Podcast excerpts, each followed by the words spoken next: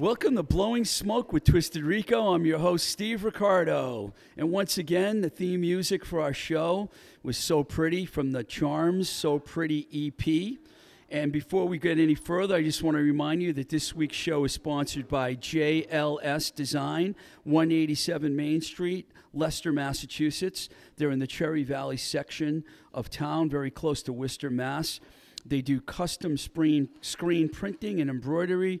It's a great place for bands to get all their t-shirts, hats, hoodies, and actually anyone can go there and get anything. My friend Dave Spaz from the band Little Big Wheel and the Liars and Peak 15 is one of the principals of the organization. They make great shirts, hats, whatever. You can reach them at jlsdesignprinting.com, and their email is jlsdesignsales at gmail.com. And if you contact them and you tell them you heard about them on Blowing Smoke with Twisted Rico, you're getting a 10% discount. And once again, we're at the Azorean Cafe here in beautiful Bloomfield section of Pittsburgh, which has been the home for the past five episodes of Blowing Smoke with Twisted Rico. And, you know, today just happens to also be Super Bowl Sunday, but we're not making any predictions on our show. We're going to stick mostly to music in this week, something a little different. But uh, I just want to once again thank the Homicides for coming on last week, one of Pittsburgh's coolest bands. Uh, we tried to do them twice. The first time it didn't work out, but last week it was fantastic and they, they were a lot of fun. So, once again, thank you to the Homicides for being on last week. All right, so this week we're doing something a little different. Our guest is going to be Zach Shell, who, along with his wife Kat, are the owners of Baby Loves Tacos, a fabulous restaurant and catering company that's located right down the street here in the Bloomfield section of Pittsburgh. And I worked for Zach for the last year and a half, which is kind of funny because I never really had much experience in the food industry, but I was selling tickets for the Pittsburgh Tour Company because things were slow in the music business. And I started doing prep and working the counter for my friend Ryan's company, which is the Rolling Barbecue. They specialize in all barbecued food. And that's how I met Zach. He offered me a few shifts to work at his brand spanking new location down the street.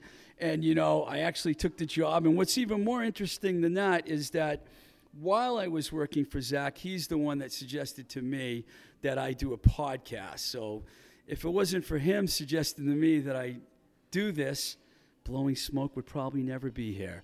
So I just want to welcome you to the show, Zach. Thanks, thanks for having me, Steve. and you know, Zach has been in this in the in the food industry for a while, so I kind of like uh, wanted to talk, get the conversation going, and ask him some different questions.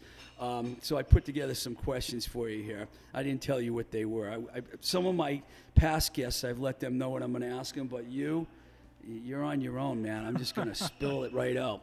First of all, why in the world would you ever hire someone like me who basically had no experience whatsoever to work with you at Baby Loves Tacos?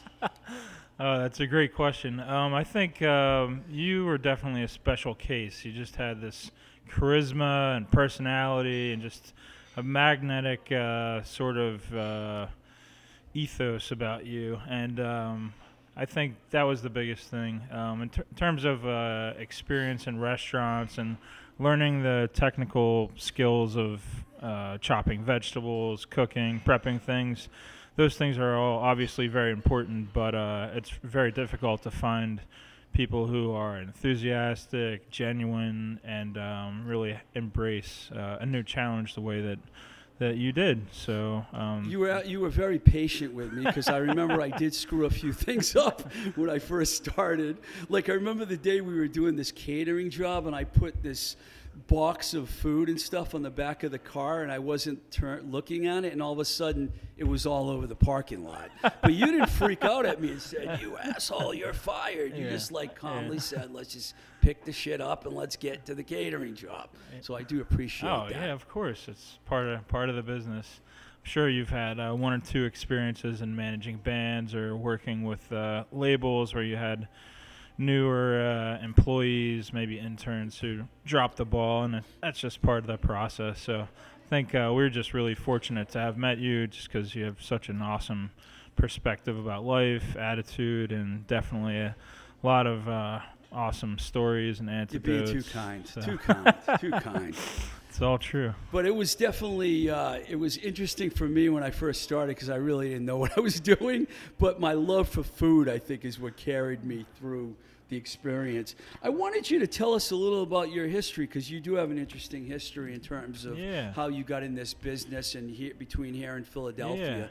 Yeah, yeah, sure. So, um, you know, I I am from Pittsburgh, Pennsylvania. I was born here, um, but I had like a pretty pretty interesting formative uh, experiences um, with cooking. But you know, really before that, what sparked that was uh, some experiences as a kid. So I've a grandmother who was a really good cook here in Pittsburgh. You know, typical kind of Irish family. But then I also uh, have a grandmother who's since passed, who, strangely enough, was from uh, Webster, Massachusetts, where where Steve's from originally, and uh, I had just some really That Viv- story's crazy. We'll have to talk about that. Yeah. But go ahead. so I had some really vivid experiences with food. I'm sure, like most people, but mine were pretty pretty interesting. So when I was a child, we'd go up to Webster for a week or two every summer, and I'd visit my my Grammy and my Jaji. That's what we call them. And they lived on Upper Gore Road, right near the lake. lake, uh, what is it? Manchagagaga, Munga, Bungawag. I- I Don't ca- ask me to say it. but uh, we'd we'd go and pick uh, blueberries on Blueberry Hill, which was uh, really awesome, kind of untouched blueberry patch. They've ruined it now Yeah, because which- they built a bunch of big mansions up there. yeah, but, you but know. but she would you know take us with with her and some coffee cans and collect as many blueberries as we could and bring them home and and bake them into coffee cakes and muffins and pies and all that kind of stuff. So little experiences like that just kind of got me excited because one I love to eat as a kid and still do now, but also just the way that um, you know cooking for other people, whether it's family or friends Mhm. or strangers, is just like a really um, immediate way to connect with people.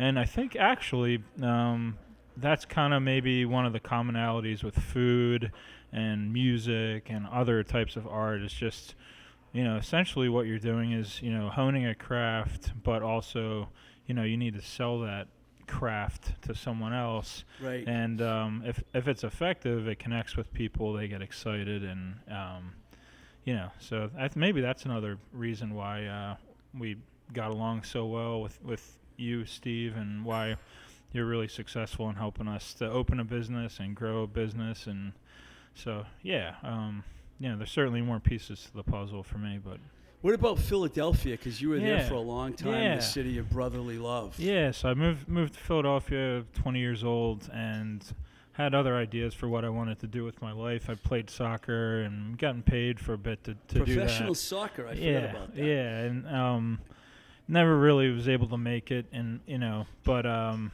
uh, when I was in Philly, I got a job working in a Mexican restaurant with a friend of mine, and um, just really got turned on to you know that cuisine in particular, and so I kind of took some formative experiences I had cooking when I was younger, and then just a real interest in um, you know learning how to kind of create value for myself and um, you know create a position for myself in the in the industry, and then hopefully one day open uh, a place of my own. So that's kind of what happened. And when I when I was there, I was really fortunate because I was able to work under some phenomenal chefs and meet some some people who um, have done really big things in Mhm. life.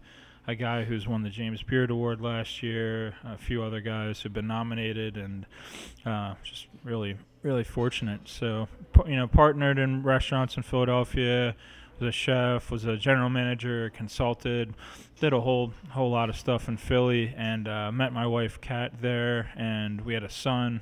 After a year, we decided to move to Pittsburgh and um, kind of have a go at it here. Um, so Isn't that how the name came? Baby loves tacos. It's from Yeah. when you had your son. Yeah, yeah. So we have a son, Casimir, um, and uh, yeah. So I had a certain idea in mind, and for the name, and my wife uh, was like, "You need something fun and you know, kind of goofy and a positive sort of connotation." So, baby loves tacos. Um, is uh, that's the name.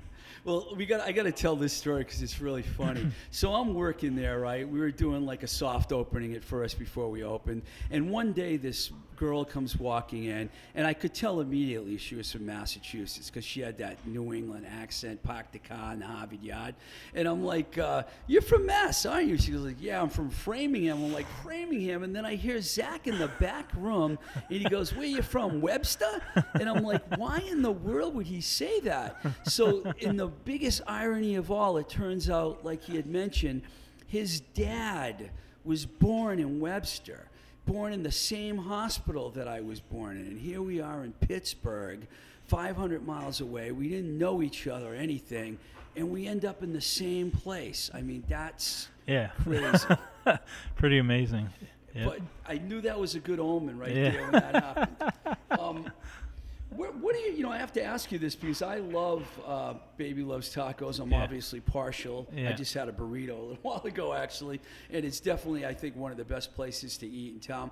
If you, if someone was coming to Pittsburgh, what restaurants would you recommend to them besides Baby Loves Tacos? Are Yeah. there any good places to eat here in your Yeah, opinion? yeah. So I, th- I think what's really interesting is Pittsburgh has traditionally been a very blue collar town, uh, the kind of place where you would think that uh, sandwich shops and pizza shops and little Italian restaurants would, would flourish, and we certainly have quite a few of those. But the places that I really love, especially in this neighborhood, would be like Pho Minh, really good Vietnamese pho, and you know vermicelli and stuff like that.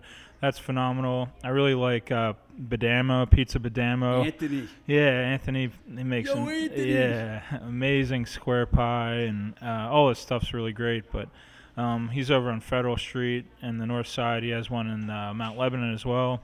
Um, I like Is that. it true you yeah. really can't even get in the door in Mount Lebanon? Yeah. Everyone tells me that it's always really packed there. Yeah, yeah, no, it's it's full house over there. But I like those two places in particular. I think um, you know, uh, Bitter Ends Gardens amazing. The Azorean Cafe makes awesome breakfast sandwich. We're here right now. Yeah. d- d- Okay. We'll Yeah. get Elsa. Get some money ready for Zach. yeah. Elsa, uh, by the way, is the owner of the Azorean Cafe. We Pe- mention her every week. yeah, you can't forget uh, Pear and the Pickle up in uh, Troy Hill. Bobby- uh, Bobby and Bobby from Alexis. Detroit. Yeah, um, DiAnoia's Eatery in the Strip District's incredible. Dave does a really good job, and they're just awesome people. I mean, there there are a ton of great places these days, but it's interesting. I, I wouldn't really put a sandwich shop up there on the list, but I think some good Italian, good pizza, good Vietnamese. It's really funny because you know when everyone comes to Pittsburgh and talks about Pittsburgh, they always mention Primanti Brothers. Yeah. That's the first thing everyone will ever mention. Yeah, I thought it was cool when I used to live in other cities and I used to come here. And I'm sorry, I don't mean to diss them, but it's really average. You know, now that when I don't even go there, I haven't gone there in like three years. Yeah. And everyone think, oh, you Yeah. go to Primanti Yeah. Brothers, you must go there all the Yeah. time if you live there. But yeah. I'm sure. I'm sure in the beginning, you know, when it was one location, there was kind of a different story, but they've kind of blown up. So Yeah, I'd be on tour Yeah. with bands, and Yeah. it'd be two thirty in the morning. and when you're in your twenties and Yeah. thirties, and you're you know drinking all night in a bar, watching rock and roll, picking up babes, whatever, you go out and you eat at two in the morning. That's where you end up from Manny Brothers. Yep. That's the reason I knew about it Yep. because people that lived here used to basically tell me, "Well, we're going to Primanti." This is when it was just I think there was one at the Strip. I don't think that all the other ones that exist were anywhere in sight. Um, two of the things that are my favorite things that exist, you know, a, a- an intricate part of my life that I think are also an intricate part of Baby Loves Tacos are music and art. So Yep. I'm just Yep. wondering Yep. who some of your favorite yeah, music musical not artists in Yeah. terms of painting but yeah, yeah. you know who do you like musically because you're Yeah. we play a lot of music yeah, there. yeah, yeah. So I think that's another really great place about having, uh, you know, your own space and it being, you know, mom and pop is that we kind of can can do whatever we want that day. And so, um, I don't know. I think like different times of the day, different different days, you know, you're in a different mood. So. Uh, when Steve was working, we'd, we'd get the whole gamut of amazing rock and you know just everything, things that I hadn't listened to much since you know I, I uh, was younger. But uh, I think in that in that vein, I think like let's see, one of my favorite songs to prep to would be like uh, Santana from Santana 3, I think it is. Everything's Coming Our Way. Is that it? Oh yeah, I like yeah, that track. Yeah, That's yeah, a good yeah. I I vivid memories of that when I was a kid, with driving around with my dad.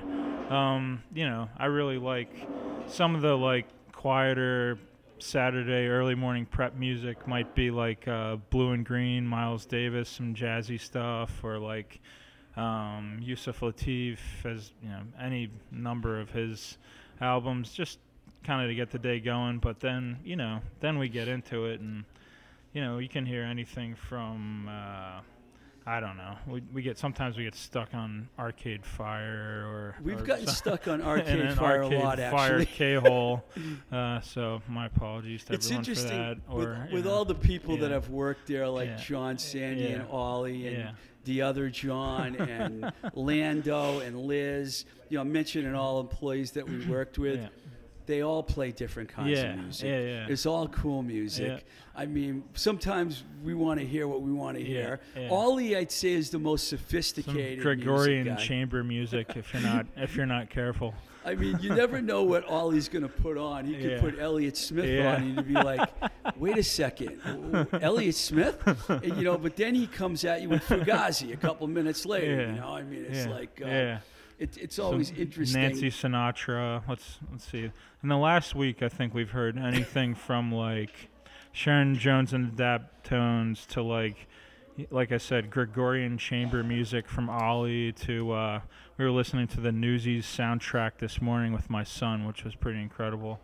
And um, you know, then my brother had some death metal on yesterday. That was, I was going to bring your brother up because there was a couple Thursdays, maybe like four or five in a row, that we worked together, and he wanted me to put sheer terror Yeah, on. yeah, Okay, so we're listening to Agnostic Front, The Dead Kennedys, and Sheer Terror, and I'm like, nobody else in this place wanted hardcore. Not that I like hardcore, but I never expected him to. You know, and then he starts telling me how he used to go on the pit and he was a crazy man and everything, and then I kind of got it. It's interesting because while I worked at yeah. BLT, Baby Loves Tacos, there were a lot of great artists that passed away. And I was thinking about this this morning Tom Petty, David Bowie, Chris Cornell. And it's funny because those artists, the days they passed away, it kind of came into our Changed- world. yeah, we the- listened to Bowie Yep. all day, or we put Yep. Petty on, or Chris Yeah. Cornell, Soundgarden, and I it does that's what I think. That's what I was Yep. thinking about Yep. about how we would live through the music. Yeah, it's it's fascinating. I I love you know all those guys are great, but for some reason I was listening to that last album that Bowie put out, which was like really dark, like very dark. probably in the like two weeks leading up to him passing away, and uh, yeah, that was that is pretty trippy. But I mean, we've yeah we've. I, it's. I'm probably gonna regret even mentioning listening to Arcade Fire in this podcast, but you know we've we've listened to so much stuff, and if it's shit, we turn it off. So. I like Arcade Fire though. Yeah. I remember the first day we actually worked together. You put the new Arcade Fire record Oh, on, yeah, yeah, and I hadn't heard it yet. And now I've heard it like you a know, million a million times, and I went to see them last summer and stuff. You know, so Yeah. um, what Bad been- brains, whatever, you know. What are some of the funny things that you remember that have happened at Baby Loves Tacos during our year and a half? Because we kind of started. Yeah. To, you yeah. Know, so, um, I mean, any number of things. There's, well, one thing in particular for anyone who's ever been to Bloomfield, um, Pittsburgh, Liberty Avenue in the summertime. Um, we just kind of like became friends with some of the sh- most interesting characters in all of Pittsburgh. So there's a guy named Pat who lives on the corner of Liberty and Ella, who uh, lives in the first floor apartment, and um, the door to his apartment is open like all summer long. This guy's shirtless, you know, um, sitting in front of a television, and it's just like straight out of Requiem for a Dream or something. Uh, and Speak- like, speaking of that, I remember one day I was working and some local drug addict Yeah, came in and yeah. grabbed some Yeah, uh, cash out of the tip jar. Yeah, I mean, just some of the crazy stuff. So you know, I I'm very open-minded, or I'd like to think. But then one day, like Pat just kind of wanders in. I didn't even know his name. You know, he just looked like he hadn't eaten a fruit or vegetable in a few years, and just Uh, you know, like maybe he didn't even know how to say hi. But it turns out this guy comes in, asks for a beef taco, and he's been coming in almost every single day since then. We've gotten to know one another, and he's just like a really pleasant guy who I guess um, likes to have his door open in the summertime. so you know, we've got guys like that. You know, we've got people, you know, 80-year-old Italian people who've lived in the neighborhood forever, who find out about us because their grandchildren have come to get tacos. I mean, It's a the it's a- local, It's a, yeah, different, yeah. different kind of neighborhood. Yeah, I, mean, the- I don't know how to. I mean, some. Put it this way: I don't really like to hang around in Yeah. Bloomfield at night. Yeah, You know, yeah. I was working nights for a while when we started, but I prefer to be here during the day. Not because I don't feel safe or anything, but there's a lot of crazy Oh people walking around. but the local, you know, the local flavor. I think that I think just like becoming a real neighborhood spot and meshing with with people in the neighborhood is is like by far the most rewarding part about having a small business because you can connect with people in a a genuine way. You know, to relate it to music, it's probably like before bands hit it big and they're playing like a 200 seat, you know, club Right. playing, you know, playing whatever acoustic and like you know, going out and thanking each person in the crowd. I don't know. It's it's somehow like more gratifying. Maybe a little That's a harder good to pay analogy, your bills. actually. That's a very good analogy. I just want to mention a couple things before I leave. When I did a benefit for Animal Friends yeah, about a year ago, Zach donated all the food, man. So we had free food for the bands and everyone that, That was- came. That was a really nice thing to do. And I've noticed that a lot. I've met people from a lot of restaurants in Pittsburgh because they all they all come in, Yeah. like the guys from Yeah. Cinderlands and all these Yeah. different places. So you've created a spot that is well welcomes everyone. And the other thing that Yeah. you do is if anyone ever comes in, they don't have any cash. Yeah, you'll yeah. give them food, Yeah, and I respect that because there are a lot of people struggling. The economy's not as good as nah, some people nah, say it is. No, we yeah we try. It's you know, it's it's uh, all all we can do, best we can do. The last thing I want to ask you before Yeah. we go is, what are your future plans? I mean, do you think you're Yeah. gonna stay here? Do you yeah, think you might so move? or- yeah, so um, you know, we really like where we are and what we're doing.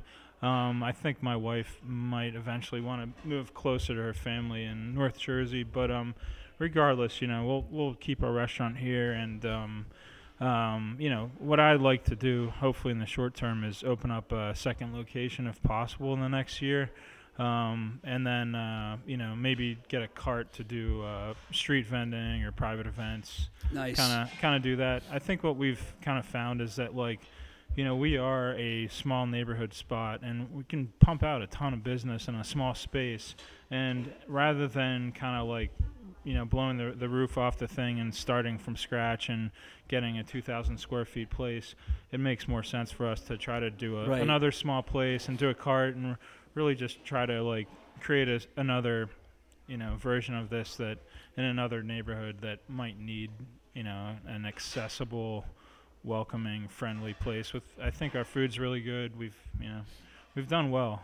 Um, you know. Oh yeah, I was going to say if there's any out of towners that are listening, and you're going to come to Pittsburgh, you can't go wrong. Baby loves tacos is like, the food is fantastic. I'm lucky I got to learn how to make a lot of it. I got to see how people react to it, and uh, I want to thank you publicly for Yeah. telling me to do a podcast. thank first you. of all, Yeah. and second for employing me for Ah. the last year and a half while I was trying been- to survive.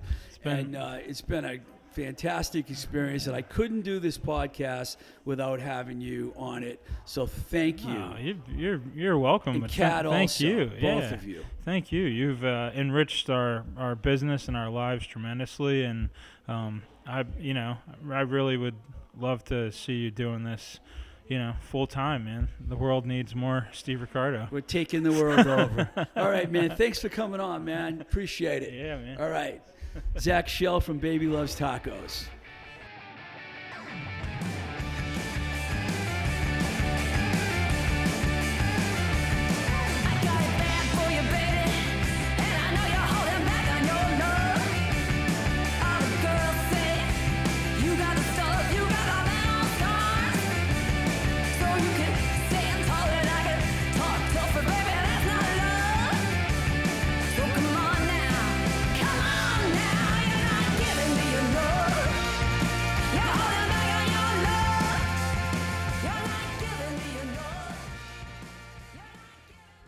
Was really good to hear that. That was "You're Not Giving Me Enough" by the Love Me Nots. Um, little segment of that song.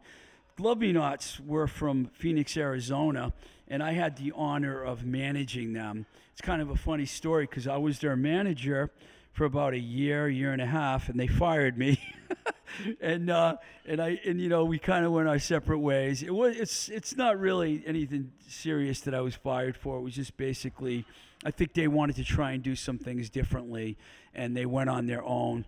Um, they had just finished their first record with Jim Diamond, the producer from Detroit, and they're getting ready to do their second record with him.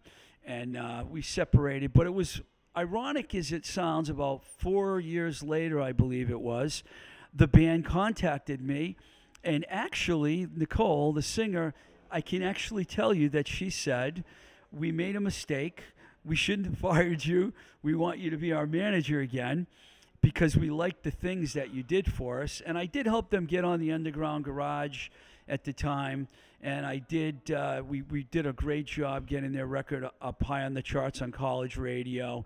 And, you know, they were, they got some good gigs going and they wanted to try it again. We did it again. I was their manager for the Sucker album, uh, which turned out to be their last album before they broke up. We got a uh, T Mobile commercial which was a big financial boost for the band. It was on for like three months. Every time you would turn your TV on, you'd hear the T-Mobile commercial and hear the Love Me Nots in the commercial. Uh, you got to go, and uh, it was like fantastic. It really helped the band and opened a lot, lot of doors for them. They broke up in. Um, I think it's probably been a couple years now, and Nicole and Christina Nicole is a singer and keyboard player. Christina, the bass player, formed a band called the Darts.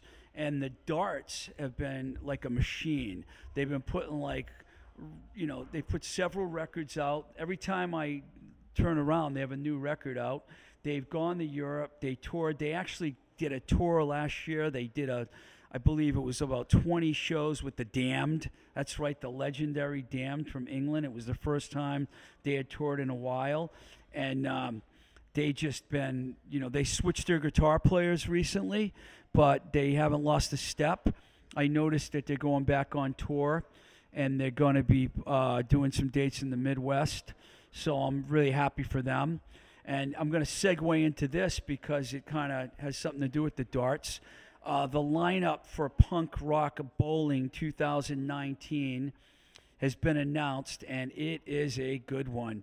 It's going to be a three day outdoor festival, which is going to take place from May 25th to May 27th in downtown Vegas, Las Vegas, where it has been every year.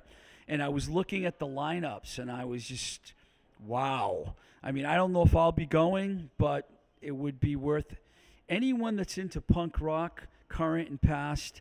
This was a good one because the main stage headliners for the three nights are Rancid, who I saw last year with the Dropkick Murphys, still fantastic after all these years. The Descendents, who are like one of my absolute favorite bands of all time. I was honored to work on the Enjoy album when it came out through Restless Enigma and the legendary Specials, one of the great ska punk bands of all time. And then on that main stage, on each day, there's a plethora of amazing bands like the Hives, Flag, which are members of Black Flag. It's Greg Ginn's version. Uh, the Stranglers, the Undertones, who are touring for the first time since I don't even know if they've ever toured in America before, but you know, one of my favorite bands from the original punk era of the late 70s. Fear, Lee Ving and Fear. I had the pleasure of working with those guys when they put the More Beer record out on uh, Restless Enigma, and they were also on the Restless Variations compilation. The Adolescents, legendary Orange County band. And then as I was looking at the list, lo and behold, I see that the Darts are actually on the second day. The show they're playing early in the day, but doesn't matter. They're on the same stage, main stage as the Descendents. Once again, as I just mentioned, Nicole and Christina from the Love Me Nots. So I'm very happy. I was very happy to see that. Very happy for them. The ste- second stage is equally equally impressive, with headliners the Casualties, the Street Dogs. Okay, I'm always raving about them. They're Mike McColgan, uh, original lead singer of the Dropkick Murphys band, one of Boston's real great you know, they're like a middle class punk rock band. They kind of represent what the middle class and punk rock's all about.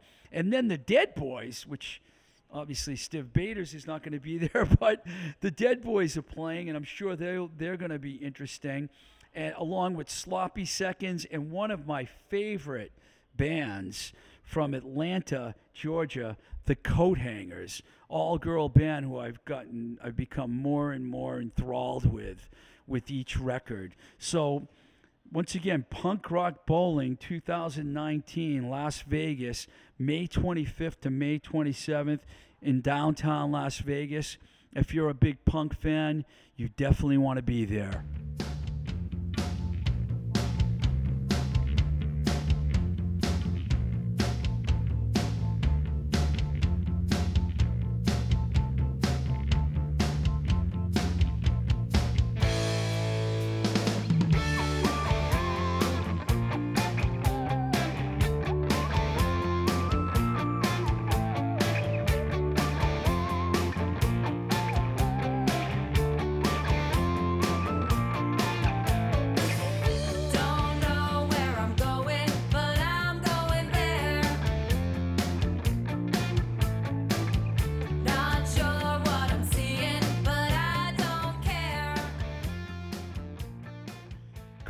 Just heard a little bit of the song Here I Go by the band Peak 15, which our sponsor, Dave Spaz, it was his brainchild of a project, and what a project it was.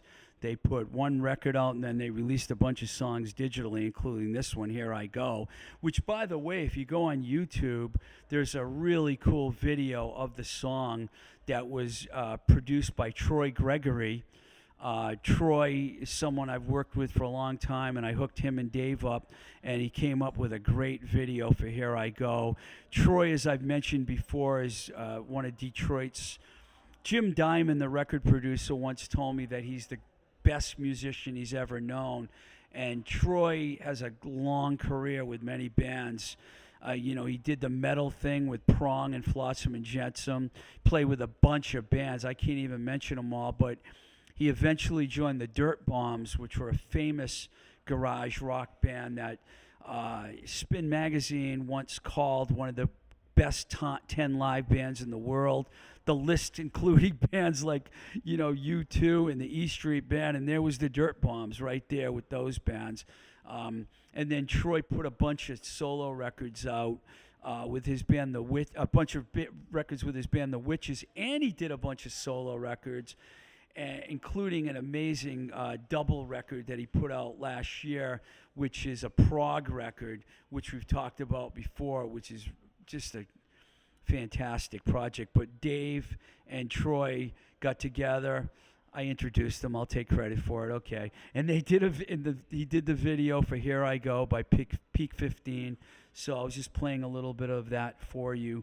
So here's where we stand now, pretty much, with as far as the Blowing Smoke with Twisted Rico podcast goes. Uh, I believe we're going to record one more time here in Pittsburgh uh, next week. Uh, if I didn't mention it, it's Super Bowl Sunday. I'm not that excited about the Super Bowl. Even though I grew up a Patriots fan, I'm kind of think like everyone's like a little burnt out on the Patriots. And uh, I'm going to watch it. You know, I'm going to definitely watch the game. I'll watch the Celtic game before I watch the the uh, Super Bowl. But I'm not overly excited, but hopefully it'll be an exciting game. But uh, next week we'll come back here. We'll, we're going to record one more time, and then I'll be off to New England, and we're going to start recording some shows up there. Uh, once again, I want to thank Zach Shell from Baby Loves Tacos. It was very interesting talk. I know it's a little different from what we were doing, what we have been doing here, but he's a really cool guy. Listen, if it wasn't for him, I wouldn't wouldn't be doing this podcast because he's the one that encouraged me to do it. He just kept telling me you should do your own podcast. It would be great. And I don't know. You tell me. You guys can write me at twistedrico at gmail.com and you could tell me if you think it's great. You could tell me what we, we think we're doing wrong, what we're doing right, whatever. If you want me to talk about the Rock and Roll Hall of Fame and and you know attack Radiohead again, I'll be glad to do that. I probably shouldn't have said that again, but I did. But uh, once again, I want to thank our sponsor for this show, who's been our sponsor the last few weeks, JLS Design. They're located at 187 Main Street, Leicester, Massachusetts, in the Cherryville Valley section of town, close to Worcester. They do custom screen printing and embroidery. It's a great place for bands to get their T-shirts, hats, hoodies, etc. And if you mention Blowing Smoke with Twisted Rico or mention me, you'll get a 10% off on any order, courtesy of my friend Dave, who I mentioned before plays bass in the band Little Big Wheel, has been in the Liars, and you heard one of the songs by Peak 15. You can find them on jlsdesignprinting.com. Their email is jlsdesignsales at gmail.com. Uh, thank you once again for listening to Blowing Smoke with Twisted Rico. I'm your host, Steve Ricardo. It's been real. Until next time, let's keep the music alive.